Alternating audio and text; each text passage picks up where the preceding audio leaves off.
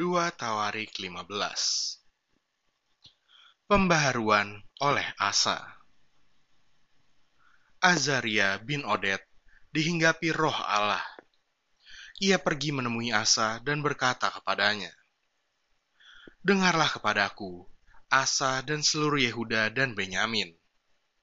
Tuhan beserta dengan kamu bila mana kamu beserta dengan dia, bila mana kamu mencarinya ia berkenan ditemui olehmu. Tetapi bila mana kamu meninggalkannya, kamu akan ditinggalkannya. Lama sekali Israel tanpa Allah yang benar, tanpa ajaran daripada imam dan tanpa hukum. Tetapi dalam kesesakan mereka berbalik kepada Tuhan, Allah orang Israel. Mereka mencarinya, dan ia berkenan ditemui oleh mereka.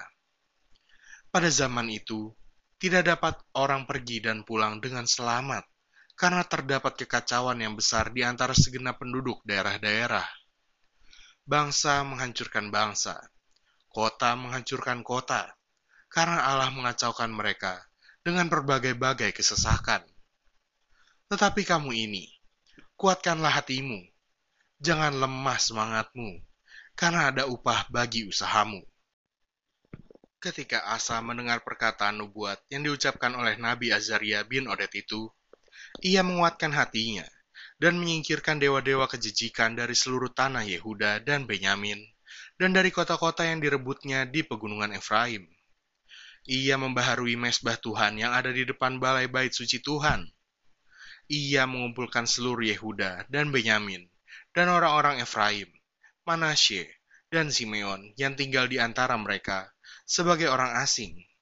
Sebab dari Israel banyak yang menyeberang memihak kepadanya ketika mereka melihat bahwa Tuhan, Allahnya, beserta dengan dia. Mereka berkumpul di Yerusalem pada bulan ketiga tahun ke-15 dari pemerintahan Asa.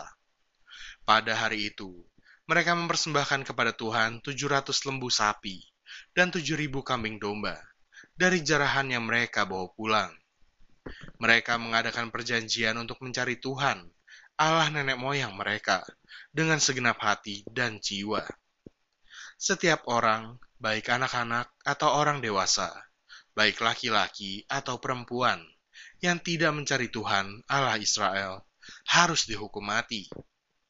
Mereka bersumpah setia kepada Tuhan dengan suara yang nyaring, dengan sorak-sorai, dan dengan tiupan nafiri dan sangkakala.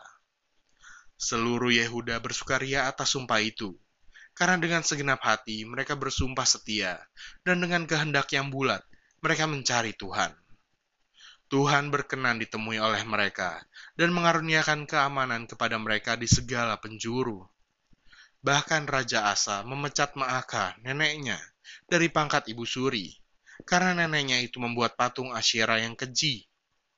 Asa merobohkan patung yang keji itu menumbuknya sampai halus, dan membakarnya di lembah Kidron.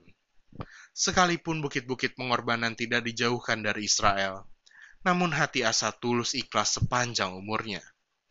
Ia membawa persembahan-persembahan kudus ayahnya, dan persembahan-persembahan kudusnya sendiri ke rumah Allah, yakni emas dan perak, serta barang-barang lain. Tidak ada perang sampai pada tahun ke-35 pemerintahan Asa.